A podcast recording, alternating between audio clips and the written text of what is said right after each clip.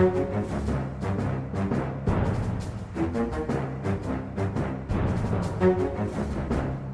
da ønsker vi velkommen til Aftenpodden valgnachspiel. Vi har vært eh, live nå i fire timer, men nå setter vi i gang med en eh, oppsummering etter debatten, og som også legges ut som podkast i eh, morgen tidlig. Så god morgen til de som hører oss først da.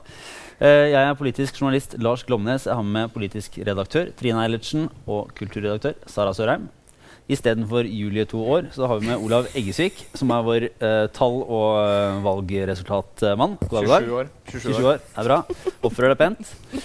Eh, vi har akkurat sett eh, partilederdebatten eh, som eh, oppsummerte dette her. Hva syns dere om det lille showet?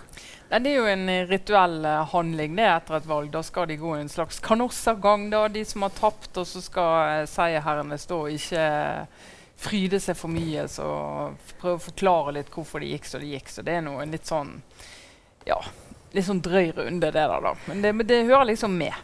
Men eh, Rasmus Hansson hadde vokst et par centimeter i løpet av kvelden, eh, så det ut som. Og eh, så virkelig opplagt ut. Eh, han har sikkert fått i seg mye deilig økologisk eh, sunn mat i løpet av kvelden og var virkelig fit for fight. Jeg syns eh, de andre så litt mer slitne ut. Erna har en tung jobb nå. Og det bar, det bar vel kanskje debatten litt preg av også. For hvis vi skal oppsummere, så, så er det vel sånn Etter en ganske lang valgkamp uh, så ble det jo et ordentlig kna, altså et, et, et interessant resultat. Altså vi har, vi har snakka mange ganger om at, om at det er mange spennende ting vi var ute etter å få svar på. Eh, og der leverte de på ganske mange områder. Ja, en del av det vi var mest spent på, det har jo skjedd. Eh, sånn som det ser ut nå, så altså Frp ligger og vaker rundt titallet. Eh, ser ut som de kan vippe under ti. Det betyr noe. Det kommer vi sikkert tilbake til. Og hvis eh, Arbeiderpartiet er nesten større enn Høyre og Frp til sammen, så er det et eh, skifte. Altså. Da snakker vi om en blå bølge som, eh, som er blitt en pytt. Eh, og så har du jo eh, Vil jeg ikke må vi nevne Senterpartiet. på et Ja, fordi vi kan gå tilbake. Vi starta, vi starta kvelden for fire timer siden. Eh, og vel så det, med å presentere en, en liten oppsummering av det vi trodde ville bli valgresultatet for noen av de viktige partiene. Må vi snakke om det, Lars? Eh, ja, Ja, Sara, vi må må vi snakke om snakke dette. Eh, selv om det, det kommer vel ikke nødvendigvis til å framstå som vår beste stund. Eh, men noen uh, treff var det jo likevel. Vi kan vel si uh, generelt at vi undervurderte Arbeiderpartiet og Altså, I høyeste grad undervurderte vi Arbeiderpartiet. Det var ingen av oss som hadde sett for oss at uh, de skulle gjøre et så utrolig godt valg som de ser ut til å ha gjort eh, nå. Eh, vi la, la oss jo alle sammen på sånn drøye 30% men eh, det var vel du, Lars, som var friskest og tippet 31,6. Ja, som var ørlite grann under eh, sist eh, valgresultat. Men eh, vi kan jo gå på det vi, de vi spekulerte i ville bli valgkampens vinnere og tapere. Eh, og uh, der er det jo litt å ta av. Uh, Sara, vi kan ta det Ja. først som sist. Bli ferdig med det nå. For du mente jo da at valgkampens vinner ville være Fabian Stang, og valgkampens taper ville være Raymond Johansen. Ja. Det, Det var ikke noe innertier. Det tar seg omtrent like pent ut nå som vi som har sittet her i studio i fire-fem timer. Det, var et, det var en tanke bak, da, og det var Oslo. Og i snakkende stund så er faktisk ikke Oslo helt avgjort. Eh, jeg tok en råsjanse på at eh, de borgerlige ville klare å beholde makten i Oslo. I så fall så ville jo valgkampstrategien til Høyre, som var å bare dytte Fabian Stang frem, eh, bli sett på som en suksess, og han ville være valgets store vinner. Så jeg gjettet på Fabian Stang. Og da ville jo også Raymond Johansen eh, samtidig bli den store taperen. Mannen som lå an til å kapre Oslo. Men så viste det seg sannsynligvis at eh, det ble ikke sånn. Arbeiderpartiet klarte det i Oslo. Eh, og da er jo min, eh, Litt, min ja. påstand og spådom helt verdiløs. Litt som Høyre satset alt på eiendomsskatten og Fabian Stang, Ja. så satsa du alt på ett kort, og, og, Og det ser ut til å ha som det bommet. Men det hadde tatt seg Tenk om jeg hadde Hvis jeg hadde hatt rett, så hadde jeg jo sittet her som vinner. Eh, man må jo prøve litt, men isteden så må jeg gi ordet til Trine, som var mye ja, bedre. Ja, det, gjør nå endelig det. Jeg tippet jo da eh, Trygve Slagsvold Vedum som eh, valgkampens vinner. Eh, vi tok jo utgangspunkt i noen målinger på slutten av forrige uke og i helgen der vi så at det skjedde et eller annet under radaren med Senterpartiet. Og det har jo eh, vist seg også i resultatene. Eh, ser jo ut som de kommer til å ende på over 8 og opp mot 9 eh, Nå vipper det litt, men jeg tror ikke det kommer til å endre seg så mye mer nå.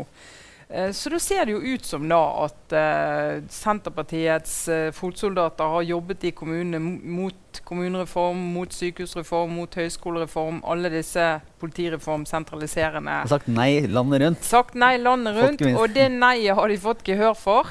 Særlig i Kristiansund. I, I, stor grad. Um, ja.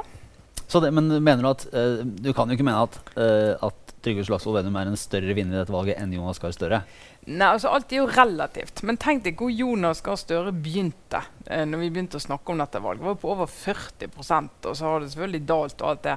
Eh, men altså sammenlignet med det vi har tippet på Arbeiderpartiet, er Jonas Gahr Støre en eh, kjempevinner. Så vi må jo bare gå i skammekroken. Også, eh, men Senterpartiet det, det, jeg tror han er en vinner på den måten at vi har jo overhodet ikke sett det, hva som har skjedd. Så det er vel mer sånn selvkritikk, uh, egentlig. Og relativt veldig, veldig sterk vinner. Altså, jeg ja. gikk for litt samme tankegangen og, og, og så for meg en SV-opptur. Uh, og mente at Audun Lysbakken kunne være valgkampens vinner. Uh, fordi de startet ekstremt lavt, mm. og med spådommer om at hele partiet ville rakne. og da å få til, en, få til en, liksom et hederlig resultat og kanskje få opp mot 5% ville være ville være bra. Nå ligger det an til sånn 4,1, så jeg skal ikke akkurat kjempe på den. Uh, men jeg mener jo at jeg hadde spådd uh, valgets uh, store taper. Ja. fordi jeg mente jeg, eller, jeg tippet at det ville være Carl I. Hagen. Mm.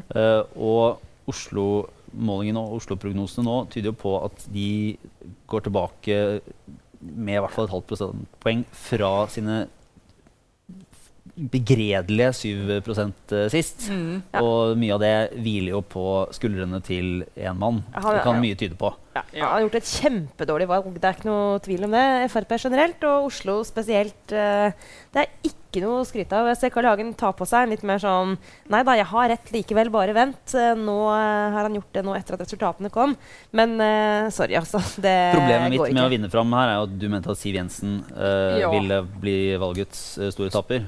Ja, og hvis du tar og slår Bergen inn i dette, og et par andre kommuner, så mener jeg Siv Jensen har hatt noen noen smeller land rundt. Altså Bergen har ikke falt så veldig, altså veldig mye ekstra på Frp. Det har de for så vidt ikke gjort, men de har ligget på 20-tallet i Bergen. Hatt valgresultat på 20-tallet for, uh, for, to perioder siden. Og nå er de på, på åtte. Er det nedi der? Det, det, er klart det er svakt. Det er veldig svakt. Så jeg tenker Siv Jensen, hvis partiet havner på under 10% Hun er partileder for et Frp som ligger på under eller rundt 10 det er veldig veldig alvorlige tall for, uh, for det partiet. Så jeg, jeg, står litt på mitt. Men uh, hvis, hvis, det spisser seg til, så får jeg bare si at jeg er redaktør. Ja, det er, det er, der, jeg har, det er der jeg jobber i motbakke. ja, og, jeg, og jeg har strengt tatt ikke lov til å mene så veldig mye og kommentere uansett. Den store taperen sitter her mellom dere uansett. Så dere ja. kan slå dere til ro med at uh, dere begge valgte en Frp-representant som taper, og det viste seg å være klokt. Sånn rent spådomsmessig. Men det var jo herlighet. Det ble jo et spennende valg. Det var noen store skrell. Absolutt. Og Høyre ja. var um, Nå er det jo fortsatt spennende i Oslo, så ja. de kan jo fortsatt gjøre et uh, godt valg der. Men de har uansett gått en del tilbake, for de hadde jo 35 oppslutning der sist. Ja. Uh, og der ender det ikke nå. Og uh, alt tyder på at de mister makten hvis Høyre finner sammen med Miljøpartiet De Grønne. Nei, Arbeiderpartiet. Arbeiderpartiet, unnskyld. Mm. Og hva har eh, Høyre gjort uh, galt? Nei, altså det, er jo, det, er jo, litt det skal se nasjonalt, eller på hele bildet, så ja, Arbeiderpartiet har gjort det bra, absolutt. I Oslo har de gjort det ganske bra. Ikke sånn kanonbra. Uh, Høyre har gjort det dårlig, men ikke sånn kjempedårlig. Men det er jo det som har skjedd i de andre partiene. Altså, I den grad Venstre har tapt i Oslo, MDG har gått frem. Sånn at du har fått en helt uh, ny balanse, eh, maktbalanse i Oslo når du ser på Eh, på partiene der. Eh, og det ser du altså I Bergen har jo Arbeiderpartiet fått over 38% Det er litt sånn landslide-stemning. Det er utrolig Er det et større nederlag for Erna Solberg enn det er for eh, Stian Berg Røsland og, og Fabian Stang i Oslo? Altså jeg vet, altså Erna Solberg, Så vidt jeg har forstått, så har hun himlet litt med øynene over det som har skjedd i Bergen de siste par årene. Så jeg tror ikke hun er så overrasket. Hun kan ikke si det offisielt, men det er jo Du trenger jo ikke være veldig eh, opptatt av organisasjonslivet for å si at det har vært et eller annet der som ikke har vært sånn som det skulle. Eh, og de har ikke greid å, å løfte den valgkampen heller. Så det har jo ligget i kortene at det skulle gå sånn. Men det er klart Men Erna Solberg har tatt bykampen. Altså, Hun har tatt bykampen. Det store spørsmålet før, et, et av de mange store spørsmålene eh, i valgkampen var eh, hvem vinner Oslo, Bergen ja, Det var ikke så spennende i Trondheim. eh, Tromsø. Eh, Kristiansand og Stavanger. Nå mener jeg at jeg er litt usikker på hvordan det stiller seg i, i Kristiansand og Stavanger, men uh, Stavanger Stavanger er trygt eh, høyre, Ja. uh, men du ser at de har jo tapt posisjoner kysten rundt. Tromsø er jo blodrødt. Der har Ja. jo Høyre nesten blitt utryddet. Og. Trondheim eh, fortsetter. Så, så altså uansett hvordan bildet er det ikke bra for Erna Solberg. Nei, det er ikke bra. Og vi, og vi, altså, tenk, deg, tenk deg da den storbykampen med de to største byene. Du, du har to partiledere fra hver sin by. Fra Oslo og fra Bergen. Eh, Støre og Solberg. Og de kan liksom komme i en posisjon hvor de kan ydmyke den andre ved å ikke bare ta hjemmeseier, men borteseier også. Og det skjer. Det var til Støre som eh, får den seieren. Det Det, er- det er sånn ekstra twist på den storbykampen, akkurat det. For det er mange ja. sånne symbolske ting. ikke sant? Det er en symbolsk viktig seier for Arbeiderpartiet. Vi har vært inne på Hvis Frp går under 10 er det en symbolsk eh, katastrofe for dem. Eh, byene altså det er litt sånn eh, Vi har allerede begynt, og det tror jeg partilederne også har gjort, å tenke på 2017. Mhm. Og det er en del ting som har skjedd nå, hvor du kan tenke sånn Oi. Og dette kan uansett ikke tolkes som noe annet enn en hva skal vi kalle det for noe, en litt eh, svak evaluering av regjeringsprosjektet for regjeringen sin del. Det kommer man ikke unna. Det har ikke vært noe, de, har ikke noe de har ikke klart å skape en sånn jubel der ute blant velgerne nå disse to årene, som i hvert fall ikke som viser seg i dette resultatet. Men Arbeiderpartiet, da, som eh, jo overrasket eh, Det var ingen av oss som hadde tippa at de skulle nå så høyt. Og det var heller ingen av målingene vi har sett de siste ukene som har uh, hatt dem på sånne tall. Nei. Eh, er det noen logisk forklaring på at dette har liksom gått under radaren? Altså, eh, er, eh, mobilisering kan jo være et element. Eh, den berømmelige valgkampmaskina til Arbeiderpartiet. Som kanskje har klart å få en del folk eh, opp av sofaen de siste dagene, helt tett opp mot valget. Og det ikke har blitt fanget opp av målinger. Men ellers så er det jo en det er en liten smekk på fingrene både til oss og til alle som tar opp disse målingene. Fordi det, er, det, er, det var en stor overraskelse. Eh, tvert, faktisk så, så tendensen ut på poll of polls eh, fram til i dag at eh, både Arbeiderpartiet, men også Høyre, men at Arbeiderpartiet hadde en liten dupp faktisk nå på slutten. Det slo ikke til. Så, eh, men hva for en oppreisning for Jonas Gahr Støre? Han eh, kom inn i valgkampen og ble hengt ut som tåkefyrst og bomma mm. på tall. Og, eh, han har jo ikke hatt noen sånn jubelstemning egentlig de siste ukene heller. Eh, og så ser det ut til å renne inn. Eh, var det beste, beste, beste resultatet noe parti har hatt i et kommunevalg siden 2012? på 30 år. eller noe sånt. Det mm. er eh, Arbeiderpartiets beste siden 1987. Ja. Men det, men det, er jo òg et symptom på, eller et signal om at organisasjonen til Arbeiderpartiet fungerer veldig godt. Altså, de kan ha en partileder som ikke er der ute og skinner hele tiden. Altså, den som har skint av partilederen i valgkampen, er jo faktisk Erna Solberg, som har vært overalt og har fått masse presse og har eh, døpt pingviner og gjort alt som skal til for å, for å vinne valg. Mens Jonas Gahr Støre har ikke vært så synlig. Men det har jo av og til skjedd med Arbeiderpartiet at de gjør et fantastisk godt fotarbeid der ute. Uh, de får organisasjonen i gang, og de driver en valgkamp som ingen andre kan. Uh, og når det, valgdagen kommer, så har, er det de som har banket på flest dører og snakket med flest velgere. Og det kan godt være et resultat av en velfungerende organisasjon som har vært utenfor regjering en stund, og de har tid til å jobbe ordentlig med valgkamporganisasjoner. Det henger jo egentlig også sammen med eh, beskrivelsen av Støre som en eh, leder som har vært veldig opptatt av nettopp det. Eh, kanskje litt i motsetning til Stoltenberg, som eh, ikke var like opptatt av å bygge laget nedenfra og opp. Men det har jo vært et prosjekt for Støre. Kanskje har han allerede nå høstet inn eh, en seier på den strategien. At han har Mm. fått organisasjonen opp og gå på en, eh, på en måte og skapt et, en ny giv i partiet. Eh, det blir i så fall veldig veldig viktig for dem frem mot eh, 2017. Mm. I uh, det, et, det andre partiet som virkelig har kommet inn og, og slått fra seg, er jo Miljøpartiet De Grønne. uh, som ser ut til å gjøre et kjempevalg. Og i motsetning til det mange trodde, så har det jo ikke falt noe særlig i resultat uh, kontra de målingene de hadde de siste dagene. Altså, dette er jo er det, hvordan Altså, skjedde det? litt, litt har de jo falt, det har de jo gjort. Men de ligger jo solid over eh, sperregrensen eh, hvis du ser nasjonalt. Og i de store byene ligger de jo der så de har ligget på gode målinger. da. Eh, så det er jo eh, De ligger på foreløpig på hva var det, åtte, over åtte da, på, på de siste tallene vi har nå her Oslo, i natt natt ja. for Oslo. Ja, ja, ja. ja for er jo- Oslo er det kjempebra, og i Bergen er det kjempebra. I Trondheim er det kjempebra. sant? Hvilken rolle kan de spille nå neste, eller fram til eh, stortingsvalget og, og de neste fire årene? Det blir en av de mest spennende prosessene vi skal følge. egentlig. For nå skal de først forhandle i disse byene, så får vi se hva rolle de, de tar da. Og så er det jo som Rasmus Hansen sier, at de skal utvikle programmet sitt frem mot landsmøtet i 2017. Og da skal jo de vedta et program som jeg går ut ifra er et som de har en ambisjon om å på en eller annen måte påvirke en regjering eh, ordentlig med.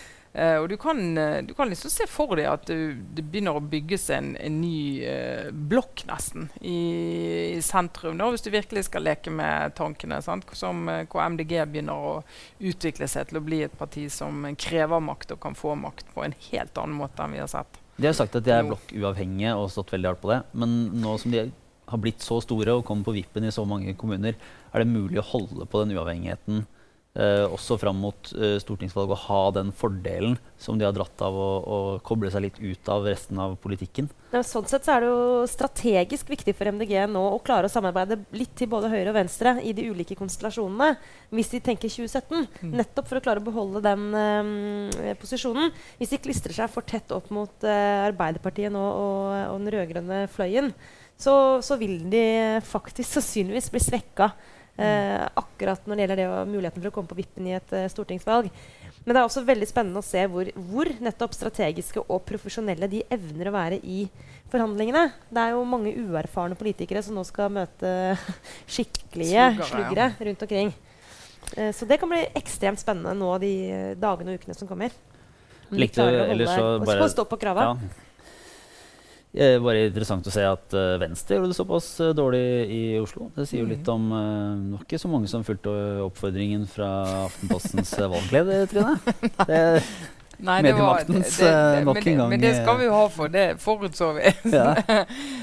Nei, de har, de har gjort et svært dårlig valg. De må være kjempeskuffet. Men det, det, det er jo mange måter å analysere det på. Men Venstre i Oslo regnes jo som relativt uh, høyre høyreorientert, eh, om du kan si det sånn, eh, og kan nok ha fått eh, Hvis du kan se, tenke deg at høyrebølgen ligger flatt, som vi var inne på, så kan det eh, ramme de også. da. Og de er jo veldig tett knyttet til selvfølgelig det sittende byrådet.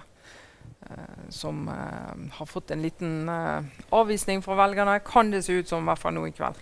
Ja, hva er egentlig eh, siste nytt fra Oslo? Skal vi trekke inn vår tallknuserkamerat fra siden her, eller? Det kan vi gjøre. Um, det er da 90% av stemmene som er talt I Oslo. Uh, i Oslo. Oi, uh, da kom det plutselig et rush. Og det er da ikke noe særlig endringer i uh, antall mandater eh, som de ulike, ulike partiene ligger an til å få. Så det er jo da fortsatt Miljøpartiet De Grønne som er uh, Nøkkelen her, ja. vippepartiet her. Men eh, det, akkurat nå så er det omtrent 2000 stemmer som skiller eh, Høyre og Arbeiderpartiet. Og Høyre ligger an til å ha no, akkurat nå 32,1 eh.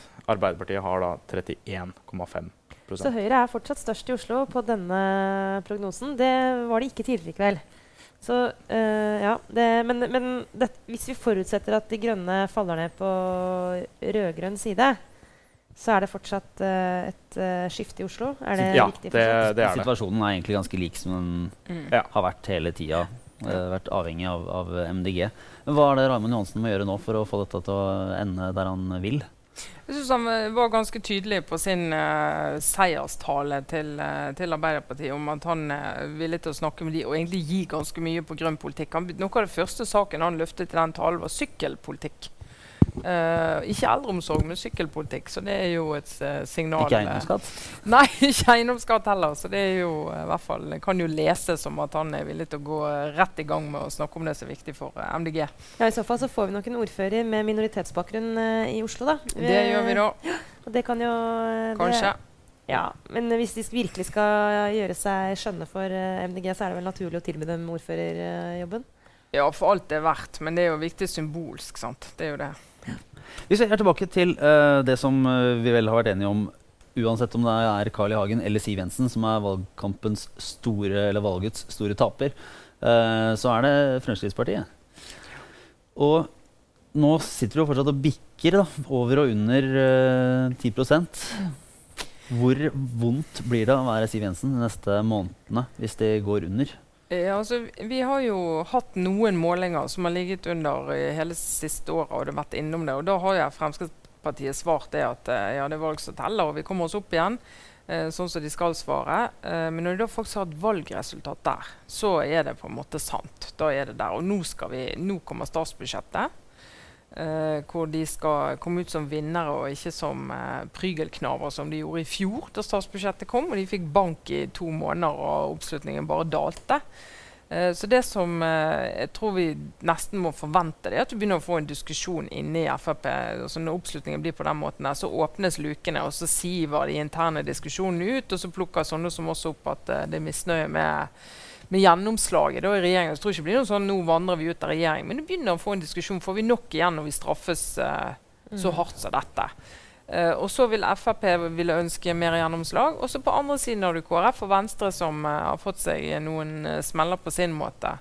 Og som også vil ønske tyngre gjennomslag. Så den kampen om det statsbudsjettet, det blir, det blir et eventyr Ja, for oss som skal dekke det. Det er jeg helt sikker på. Og drømmen til Erna Solberg om en firepartisregjering på borgerlig side er fjernere enn noensinne. Ja, det, det kan ikke Ja, det kommer ikke til å skje. Det må vi bare eh, slå fast. Men hvor, eh, hvor betydningsfullt er dette før eh, 2017? Altså det, er, det er jo var det snakk om den lange valgkampen starter, eh, starter nå, eller startet eh, tidligere i år. Er det Hvor mye ekstra pep for eh, Jonas Gahr Støre og Arbeiderpartiet? Og har det, hvor mye betyr det? Det, jo- det betyr mye. Det betyr mye. De, hvis de nå får makten i både Bergen og Oslo, så blir det politiske utstillingsvinduer. Det blir viktige baser uh, å drive valgkamp fra. Uh, og det blir, uh, det blir en måte å fortelle velgerne på at se her vi styrer. Vi får det til. Vi klarer å samarbeide med et bredt spekter av partier. Vi, kan, vi er det partiet som går til valg i 2017 som kanskje flest kan samarbeide med. Altså, du får en sånn uh, stemning rundt de som gjør at uh, jeg tror det her er en uh, brekkstang inn mot 2017 som er vanskelig for Erna Solberg å møte. Og de reformene hun snakker om, og det er hun helt rett i, vi har satt i gang en haug med reformer som velgerne ikke ser resultatet av ennå. Men vi kommer sannsynligvis ikke til å se resultatet av de høsten 2017 heller. For de er så svære at kanskje, kanskje mine små gutter kommer til å merke resultatet av de reformene. Og da er toget gått. Så det må komme noe mer før det som er mer sånn ta og føle på hvis velgerne skal gi ny tillit til, eh, til en sånn regjering. Og det ser mørkt ut for de. Ja, det er en, eh, det er en kollaps, egentlig. Det er, det er en kollaps for hele det blå-blå prosjektet. Jeg tror Fridtjof Jacobsen i VG kaller kommentaren sin uh, i kveld for 'borgerlig sammenbrudd'. Og det er jo Det er ganske presist, det. Det må jo være et utrolig dårlig tegn for Erna Solberg at, uh, at alle de fire partiene går ned, eller går KrF litt opp. Det, er fall, det er ingen som ser ut til å ha tjent spesielt best av dem, eh, i- men ingen ja. som har, har tjent på dette prosjektet, hvis man skal ta rene tall fra 2013 til i dag. Eller altså se, Nei, det er, ikke det. det er ikke det. Og da begynner det, begynner å nærme seg et nytt valg, og ikke minst et nytt landsmøte der du skal ta stilling til hva konstellasjon du Om du skal være en del av en konstellasjon, eh, så har du på en måte ingenting å legge på bordet og selge. Eh, altså, du har jo de seirene, politiske seirene, og de er reelle for alle fire. Men de når ikke ut med de ut til velgerne. Sant? Og da blir det litt sånn Kan vi vinne den samme politikken et annet sted, så begynner de å søke, da. Ikke Venstre, tror jeg, men KrF. Samtidig så er det noen ting som gjør dette valget som det alltid er egentlig da, men gjør dette valget litt spesielt. Eh, flyktningsituasjonen har vært en game changer i dette valget. Det er en, på en måte, en, får vi håpe, en unntakstilstand. Eh, kanskje har det vært med på å prege resultatet i, i litt større grad. Og selvfølgelig miljøsaken, som nå, hvor, hvor De grønne har klart å treffe tidsånden helt presist. Eh, akkurat nå så ser det ut som vi har fått en helt ny maktfaktor inn i norsk politikk. Eh, men det er jo ikke sikkert, det er ikke gitt at den vil være der om to år. Det spørs helt nå hvordan De grønne spiller kortene sine. Det blir kjempespennende. for Hvis de spiller kortene riktig, hvis de klarer å etablere seg og holde nivået, så har vi fått et nytt sentrum. Da kan mye skje. Mm. Men de kan også rett og slett uh, gå litt på store nederlag nå når realpolitikken setter inn. Så det blir veldig spennende. Kjapt, uh, bare, Hvor mye har denne flyktningsituasjonen påvirka, tror du, Trine, så i, i valgkampen? Altså, jeg tror uh, altså, Noen av de som har hatt størst problem med den, om du vil, det er jo typisk Høyre.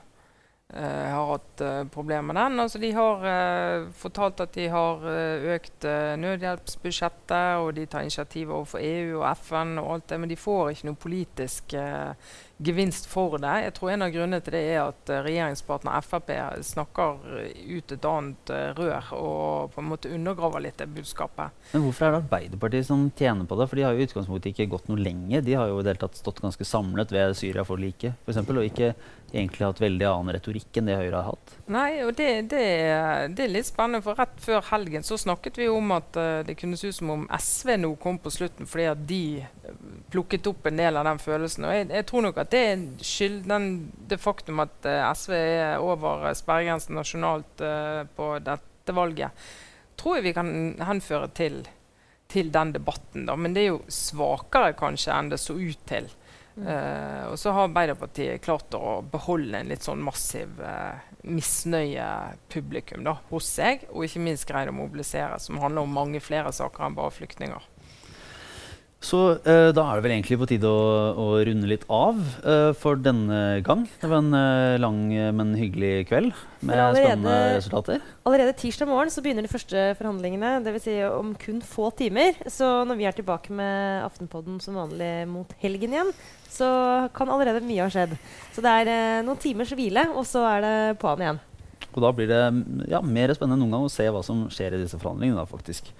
Eh, så da er det vel fortsatt mulig eh, for de som er på nå i eh, natt, å følge resultatene på aftenposten.no hele veien. Og så takker vi for oss. Det var da Trine Eilertsen, Sara Sørheim, Olav Eggesvik og meg, Lars Glomnes. Takk for oss. Og god natt. Og god natt. Eller god morgen.